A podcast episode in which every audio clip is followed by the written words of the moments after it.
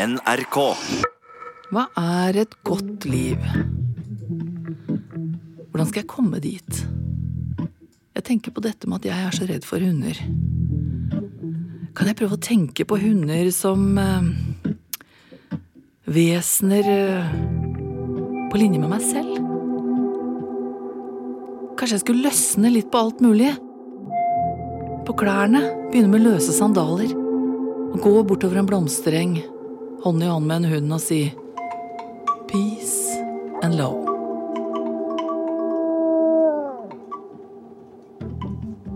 I marshmallows-testen fra forrige episode er det om å gjøre å klare å holde seg. You can either eat this marshmallow now. I need that marshmallow. Well, just wait, let me tell you what the deal is. So you can either eat it now or wait until we come back and you'll get two. Kan en fem år gammel jente vente i 15 minutter uten å røre marshmallowsen? I thought I would eat it, but I didn't. Should I give you another marshmallow? Yeah. Absolutely, because that was the deal. Okay, very good. He gave me two marshmallows. Nå har jo dette eksperimentet blitt eh, problematisert i etterkant, men forskerne mente å kunne vise at gjennom å lære seg å utsette behov, har man større sjanse på et godt liv. Men vi skal til eh, 1970-tallet, og nå er det helt andre idealer. Jeg heter Kirsti Kraft. Dette er psykologiens historie sånn jeg ser det. Kraft, kraft. I Norge blir det plutselig moderne å bygge kjellerstue. Og i kjellerstua skal det være brune og grønne puter i sofaen. Og gardinene kan gjerne ha store oransje blomster. Make love, not fuck. Altså, det er ikke Det er ikke å pule det dreier seg om, det er liksom make love, da. Bjørn Blumenthal, en aldrende psykolog og hippie, han husker dette, denne tida, for et halvt århundre siden. Og det Bjørn eh, litt utilslørt sier her, det ligner jo litt på det som Wilhelm Reich på begynnelsen av 1900-tallet var opptatt av. Kvaliteten på sex. You know, you know, so Dette er sjefsopprøreren i San Francisco, Jerry Ruben. Han står der med en batikk-T-skjorte i møte med en haug med journalister, og de ser ut som gamle menn i hatt og frakk. Dette er møtet mellom det nye og det gamle. But the biggest problem is, is your hair groomed, and what's it like under your arms, and do you have bad breath? And this is the American obsession. And so, and so I think that I think that a generation of kids which says we don't care about your concepts of cleanliness is a revolutionary generation. Og opprøret sprer seg over hele den vestlige verden. Snart kan du se hippier på torget i små og store byer overalt. Nå er de lei av foreldregenerasjonen. Nå får det være nok av både det ene og det andre. Back to peace and love. Og psykologien henger med. Nå nytter det ikke å snakke ovenfra og ned. Ikke lure folk med på merkelige eksperimenter. Nå skal alt være selvvalgt. Many years ago, I realized how powerful it was to listen to a person. Carl Rogers er en flink terapeut. Han gjør noen erfaringer og svinger seg opp med en terapiform som passer perfekt i denne tida. Han kaller det personorientert terapi. And in recent months, I've been working on a paper trying to take a fresh look at the power of listening, at the power of, of an empathic way of being. Nå gjelder det å se mennesket og anerkjenne den enkeltes subjektive opplevelse og valg i livet. Og temaene i terapistolen blir Hva vil du? Hva er riktig for deg? Mange av de gamle heltene er revet ned fra soklene sine utenfor terapirommet, og inne i rommet blir dette omformet til Du har en personlig frihet. Kjenn etter hva som er riktig for deg.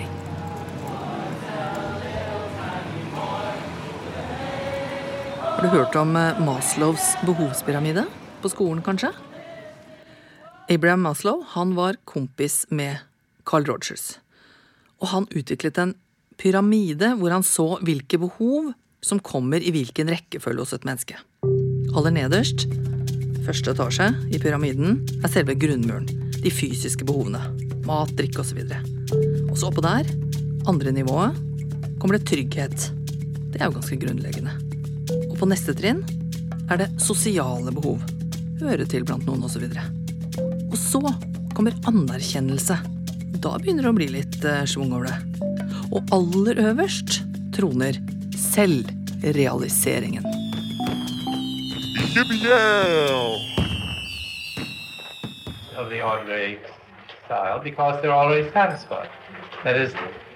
Her snakker Abraham Maslow om eh, Maslows behovspyramide.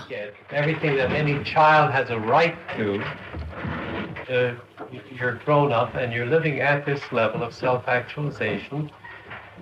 What moves such people? Uh, Disse to mennene, Rogers og Maslow, de begynner å reise fram og tilbake til et sted på vestkysten av USA. Et lite paradis langs eh, California-kysten. Hvor folk kommer som et slags valfartssted etter hvert. Alle som er opptatt av selvutvikling. For nå er det ordet funnet opp. Og, og det er vakkert. Du ser gjennom vinduene. Det er bare, du ser bare natur, fjell. eh, Hører trommer, havet. Essalen heter stedet. Opprinnelig en indiansk gravplass. Husene er bygget helt inntil noen varme kilder, med fri sikt ut i Stillehavet. Vær med. Pust. Kjenn. Det var jo veldig lite klær.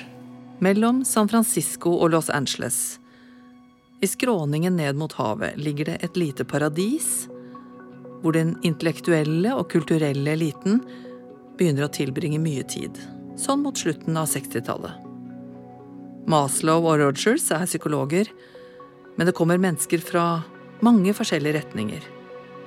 Og i ettertid får dette stedet navnet New Age-bevegelsens vugge. Bevegelsen, som skal komme til å bli stor, fødes, så å si, på dette stedet. En helt ny tid hvor psykologien og religionen, østlige strømninger og gammel visdom blir vevd sammen.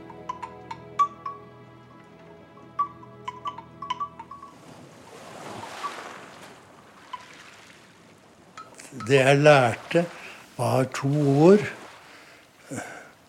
Prosess og permission. Altså Alle som var der, var i prosess.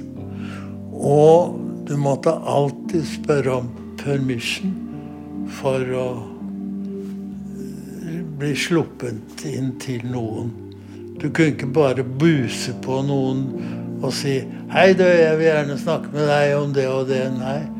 Er det ålreit at jeg snakker med deg nå? Kan du gi meg tillatelse fordi jeg er i en prosess, og du er i en prosess? Psykolog Bjørn Blumenthal er i en spesiell situasjon. Han har et samlivsbrudd bak seg og er helt klar for å komme bort og leve et friere liv en stund. Han reiser til SLN. Åh, og de varme kildene, badene der. Og hvordan vi kunne gå rundt. Det var jo mer nakne eller ikke nakne. Det var ikke noe hovedsak. Du var en del naken der? Ja, absolutt. Det var veldig sånn atmosfære. Ja, ja, jeg, jeg forelsket meg litt når jeg var der igjen. Jeg skulle høre på Fridtjof Capra. Lurte på åssen kommer denne dagen til å bli med han, da. Jeg skjønner vel ingenting av han. Jeg skjønte hva han snakket om. Det var stor bredde.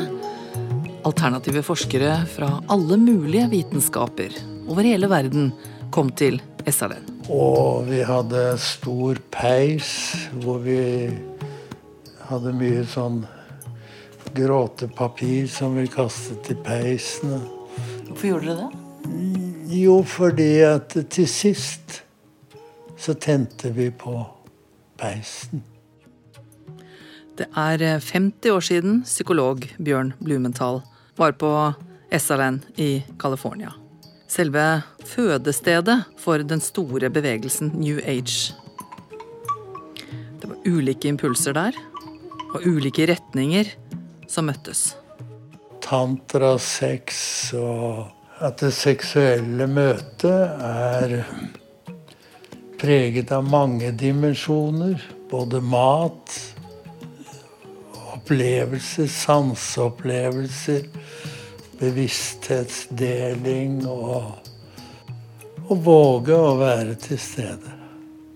Det er liksom hele tiden strevet med å ikke skulle Jeg merker jo at jeg har en forferdelig tendens til å skulle prestere hele tiden istedenfor bare å sitte og være. Vær med. Pust. Kjenn. Bli redd. Bli glad hvis det er mulighet for det. Ja. Essalen har i 50 år nå holdt fortet som et pilegrimsmål for en del mennesker som er opptatt av personlig vekst. Gjerne utenfor det tradisjonelle psykologifaget. Jeg var jo sånn at slipp fordommene løs til vår. Altså jeg var sånn Vi har alle fordommer, og, og, og vi må se på dem som noe som bare er. Ikke noe vi skal liksom tro vi ikke har. For du var veldig åpen, du, da? Jeg var rimelig åpen. SLN er et viktig sted for eh, Marina Berg. Hun er gestaltterapeut og har valfartet dit, til California, for å komme videre både faglig og personlig. Fire og fire på rommet. Må jo ha vært fire meter under taket, tror jeg. Altså det var stort. Eh, og så hadde vi god plass mellom oss, sånn at jeg kunne sitte, nesten stå i sengen. Og en dag skal hun være med på et arrangement, en meditativ vandretur, opp til et lite fjell i nærheten. Det er ikke så langt, men måten de går dit på, er veldig spesiell. Man skal gå utrolig sakte. Bare løft litt opp der. Det er sånn at det bevegelsen av den ene foten før resten av kroppen blir med. Kanskje nå har du snart kanskje tatt et halvt skritt eller noe sånt. Og da blir hele kroppen din med. Og det er bare Det var helt fantastisk. Gikk så rolig. Og, og du får en sånn ekstrem tilstedeværelse. Det hadde jeg aldri gjort før. Tilstedeværelse er det nye ordet Marina får med seg. Dette dukker opp stadig oftere på denne tiden. Det er strømninger fra mange ulike tradisjoner her. Et helt nytt språk er i ferd med å innta deler av terapibransjen. Og da skulle vi ikke snakke sammen. Vi skulle bare gå. Og vi dro ikke seks timer. Og det er ikke mange langt vi kom på seks timer, men vi kom et stykke. Og når vi da kom opp da og satte oss ned, skulle vi skravle og spise matpakke. Da spiste jeg matpakka mi, og så så utover, og så sa jeg til han at jeg tror Er det ok nå at jeg bare løper nedover? Ja ja, bare løp, du. Ja, så bare møter jeg deg ved bilen. Ja ja. Da hadde jeg så mye energi. altså jeg hadde så mye, Det sprudlet inni hele meg. Og da bare løp jeg nedover. Og plutselig så begynte jeg å synge på et språk jeg aldri hadde hørt før. Og bare var, og var helt inne i min egen verden. Men den opplevelsen å være tillate seg, da å gå gjennom alt det som du gjør når du ikke orker å gå så sakte. Altså Det er jo sånn, det, det byr deg jo mot. Altså, du, du, altså jeg mener det er, det er veldig vanskelig å få til. Det å være i nuet er å gi slipp, sier Marina. Du kan jo prøve å kontrollere verden, men da går du jo rundt og prøver å kontrollere som et uvær. Så det er å være litt modig og stoppe opp litt og være litt tenker, jeg tenker livet er, er, er, handler om å leve, da. Og det er å være modig, da. Det er å la seg overraske. Og påvirke. Og la seg såre. Absolutt. Ja, la seg såre jeg, jeg, vet ikke om Hva mener du med 'la seg såre'? Nei, jeg mener Hvis man ikke vet hva som skjer, ja. så får man seg jo midt på trynet av og til. Man får ikke forberedt seg. Nei, men det skjer jo den andre veien òg. Altså, du, du kan ha forberedt deg som barn, men du får dem på trynet. Marina reiser begeistret hjem fra paradistilværelsen og alle de vidunderlige californiske nye tankene. Og her i Norge utdanner hun seg til gestaltterapeut. For nå har det dukket opp flere alternative terapeutiske retninger og muligheter. Du må ikke lenger gjennomgå fem års streng akademisk utdanning for å hjelpe mennesker ut av kronglete liv og situasjoner. Det er ikke bare hippier som sprenger nye grenser. Det skjer også i terapien. Og i Europa er det jo i Paris det virkelig skjer.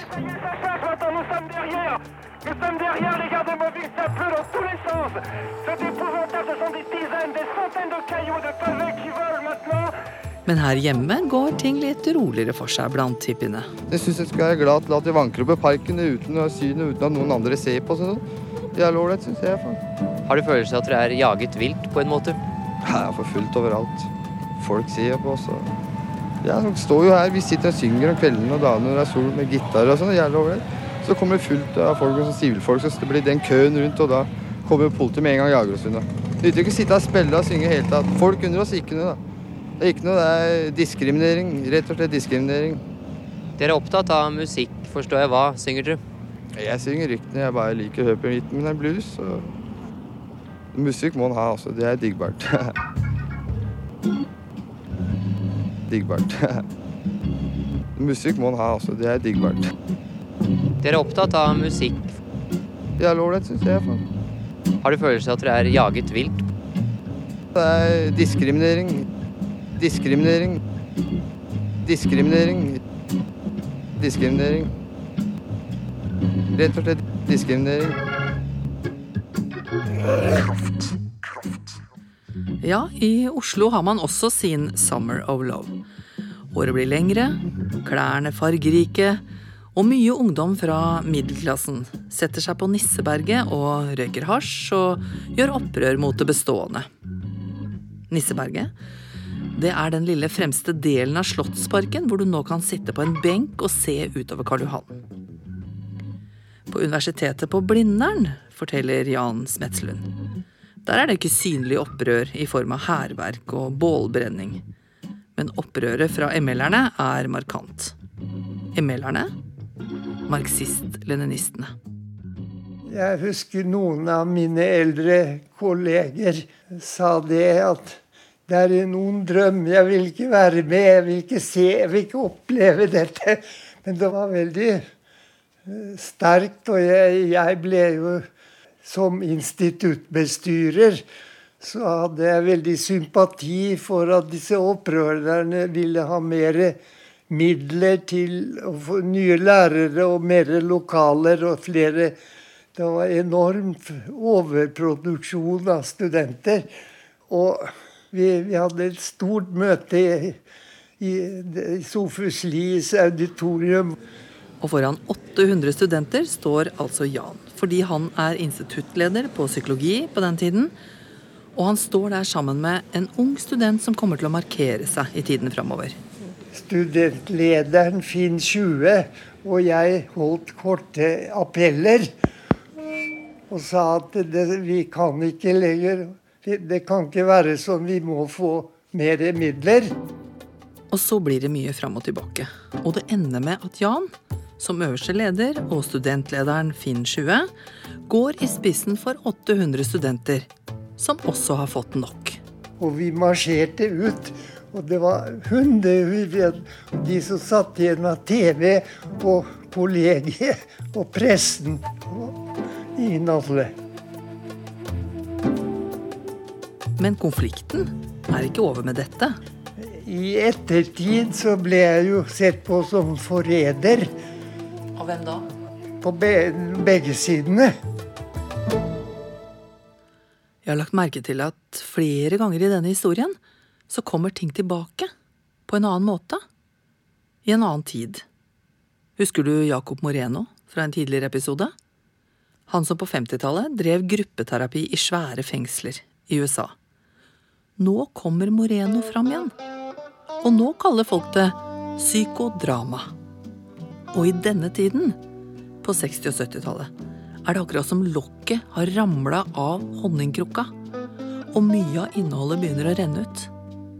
Det oppstår terapeutiske retninger som ikke er offentlig godkjente av noen universitetsledelse. Og det kommer en trang nedenifra til å jobbe med seg sjøl. En lengsel etter å dele og en ny evne til å tørre å si det høyt. Det var det å komme bak masken til folk. For selv om vi liksom var så frigjorte og sånn, så var vi jo egentlig ikke det likevel. Jeg kjente mange ganger at jeg selv også holdt på hemmeligheter og kanskje følte meg litt ensom midt oppi det hele også. Gro Slettemark er datter av 70-tallet. Lange, heklede kjoler, bånd i håret, store øreringer. Alt er spennende. Og jeg må si at det var helt skjellsettende for meg det første møtet med en psykodramagruppe. Det var en fantastisk helg. Jeg var jo så nervøs på forhånd og ante ikke hva jeg skulle gå til. Men jeg var bestemt på dette vil jeg bare. Nå må det skje en forandring i livet mitt. Var flink til å snakke om følelser og ting, men det ble liksom bare på det overfladiske planet likevel. Hvor egentlig så hadde jeg mye, mye innestengt, både aggresjon og, og sorg. Men da jeg kom inn i det terapirommet, så var jeg med en gang meget skeptisk. Der satt det en gjeng i en ring på gulvet, og så mye rare mennesker, altså. Der det satt noen sånne trauste gubber der med noe sånn halvveis dress og og noen sånne litt forpjuskede, gråtkvalte unge jenter som jeg ikke syntes så noe spennende ut. Nei, altså, jeg hadde så mye fordommer. Men altså, det som var det fantastiske, er altså det Fra vi begynte å gjøre øvelser sammen, for dette er jo en aksjonsrettet metode, psykodrama, så vi gjorde øvelser helt fra starten av. Og vi skulle gå sammen i par, og jeg kom sammen med en dame sånn så ut som sånn høyredame med permanent og, og, drakt. Og jeg var sånn hippie, ikke sant. Så jeg var gud, dette er jo bare helt sprøtt. Men så skulle vi gjøre en øvelse som var så gripende, og nå ble jeg helt rørt. For vi skulle bare sitte i taushet og se hverandre inn i øynene lenge uten å si noe. Og så skulle først den ene begynne å bruke sin intuisjon og begynne å drodle litt. Hva er det jeg tror jeg ser? Hvem er du? Og etter hvert kunne bruke fantasien og stille spørsmål, men den andre skulle være taus. Og så etterpå omvendt. Og hun og jeg, vi ble jo kompiser for resten av livet, vet du. Hun var jo 25 år eldre enn meg. Hun kunne vært moren min, og det ble hun på en måte også en god erstatning. En tøffere utgave av moren min. Når jeg kom innpå folk, og så plutselig så viste det seg at vi hadde jo så mye mer til felles enn jeg hadde trodd. Og de delte ting fra livet sitt hvor jeg blir sittende og måpe. Har du hatt det sånn? Har du opplevd det? Og når jeg selv våget å begynne å, å åpne meg, så viste det seg jo også at mange av disse folka jeg ikke trodde hadde noe til felles med, de gjenkjente seg i så mye av det jeg hadde delt og fortalt fra mitt liv. Så i løpet av den helgen så jeg tror jeg, jeg gråt så mye, og det var så deilig. Vennene mine måtte jo le nesten jeg kom hjem og sa jeg har hatt en så fantastisk helg, jeg har grått hele tiden. og dette skal vise seg å komme til å farge hele livet til Gro. Hun begynner å lese om Jacob Moreno og hans arbeid, og etter hvert etableres det institutter for psykodrama i Norge. Og Gro utdanner seg i denne retningen. Og istedenfor å snakke tørt om dette, så har Gro fått med meg, nettopp på en psykodramagruppe som hun leder. Så hold deg fast. Nå står jeg utenfor, og det er med litt frykt. Jeg skal sitte i en gruppe der oppe i tredje etasje med andre, og vi skal spille skuespill. Vi skal spille ut vanskelige ting i livene våre for hverandre.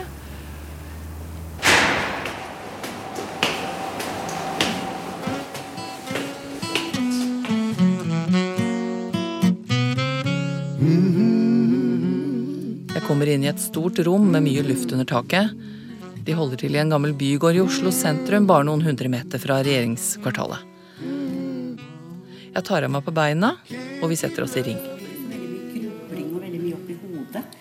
Så jeg ville tatt deg ut på gulvet og bedt deg bevege deg rundt. Ja, kanskje du skal gjøre det nå? Skal jeg stå på midten nå? Ja, nå er du det vi kaller protagonist i psykodrama. Og det er? Eh, For psykodrama er en gruppepsykoterapeutisk metode eh, hvor man også gjør øvelser sammen alle. Men så etter hvert så er det én person som blir hovedperson, sånn som du er nå. Og da er det meg det skal handle om? Ja, og da er det veldig ofte at gruppen også har valgt deg til å jobbe fordi du har et tema som også angår flere enn deg. Em, så her er du som gruppens protagonist, og her sitter gruppen. Og de skal nå delta, for det er en av de tingene med psykodrama. Vi dramatiserer situasjoner fra protagonistens liv med gruppedeltakerne som hjelpeegoer. Jeg kommer med historien min om at jeg er sliten og trøtt og føler ingen mening, ligger på sofaen hele kvelden osv. Da ber hun oss om å reise oss. Og så ber Gro meg om å være min egen depresjon. Jeg skal snakke som om jeg er min egen depresjon. Hm, jeg skal prøve. Du er i kroppen til Kirsti, og nå depresjon har vi lyst til å se der hvordan du framstår i hennes kropp. Hva gjør du med hennes kropp? Hvordan, hva slags kroppsuttrykk får Kirsti da? Strammer, kanskje? Ja. Muskler? Ja. Kan du vise det og virkelig overdrive, sånn at du virkelig kjenner det strammer? Ja. Oi! Ja, det ser ikke godt ut. Og hva skjer med pusten din da? Jeg Stopper litt. Den kommer bare helt her øverst oppe. Ja. Ikke helt ned i magen. Nei. Nei. Og hvis du skulle lage lyd også til dette, hvordan, hvordan blir den lyden da? Litt sånn, kanskje? Ja. Å, det er litt flaut òg. Og nå har jeg lyst til å Hold litt på den. Åh, nå har jeg lyst til å spørre deg, du depresjon. Hva er det du gjør med Kirsti? Hva er det hun tenker på nå? Stopper henne litt, kanskje? Ja. Stanser henne? Og hva slags form har du? Potetsekkaktig. Akkurat. Potetsekk. Hvordan ser en potetsekk ut? da? Kan du vise det med Sånn. kroppen? Åh, der ble du tung og helt ned på gulvet nesten. Ja, nettopp. Hvis du nå langsomt reiser deg opp igjen, og så prøver nå du, Går du ut av depresjonen, nå er du Kirsti. Og i psykodrama så tror vi veldig på at vi mennesker trenger å uttrykke følelsene våre. Og at det ligger ofte også fortrengte følelser i en depresjon. Og nå vil jeg be deg se deg om i gruppa, og så velge en som kan være din depresjon. Uh, Anne? Var det Anne du het? Ja. Vil du komme opp, Anne, og være hennes depresjon? Så nå skal, vi, nå skal du få ha en dialog med depresjonen din. Og nå skal på en måte hun herme etter det jeg sa, og bevege seg sånn som jeg gjorde. Mens jeg ser på. Pust. Bare overfladisk. Og så er stram. Det er litt pinlig, kjenner jeg, men det gjelder å ikke trekke seg nå. Hva kunne du tenke deg å si eller gjøre? Tenk meg, Jeg har lyst til å kaste den ut av vinduet. Ja, akkurat! Så Kvitte meg med det, liksom. Da har vi faktisk eh, noen puter her som vi kan illudere, så du virkelig kan ta, ta kraften i armene dine Ja. og kaste det. Oi. Kaste den i gulvet? Ja. Bra! Nå kom igjen, enda mer. Åh, flott! Og en gang til. Ja, bra! Fortsett. Oi! Ah, ja! Supert! Og se på henne. Hva vil du si til henne? Gå vekk! Ut av vinduet. Hell deg vekk. Flott. Og guri malla, her står jeg og hiver puter med alle de rundt meg. Kjempebra. Bytt rolle. Da går du inn av depresjonen, og her har vi Kirsti. Og vær så god, Anne, som Kirsti. Bare kom med replikken. Jeg har bare lyst til å kaste deg ut av vinduet. altså. Hun gjorde heldigvis ikke så mye ut av det. Bra. Frys. Ja, hvordan føler du det? Nei, Jeg syns det var utrolig lettende å drive og kaste de putene. Ja, det er faktisk rart hvordan eh, det å kaste puter og skrike uhemmet kan rense opp i både det ene og det andre. Å kaste puter og sånn, det begynte man med på 70-tallet, for å gå tilbake til det. Mange kvitta seg med gamle normer, fastlåste forestillinger, bh som strammet osv. Og hvis du syns at psykodrama høres heftig ut, så skal det handle om noe enda verre i neste episode. En av mine kolleger, hver gang vi skulle ha sånn eh, sensitivitetstrening, så ble han mer og mindre sånn sjuk eller halvsjuk. Det må jo ha vært mange som har vært fryktelig redde. Ja, det er klart man fikk jo ofte negative, sinte reaksjoner. Du har hørt eh, sjette episode i kraftserien Psykologiens historie. Lyddesigner Hilde Rolfsnes. Musikkresearch Kari Jacobsen. Fagkonsulent Ole Jakob Madsen. Prosjektleder Hege Haug Omre, og mitt navn er Kirsti Kraft.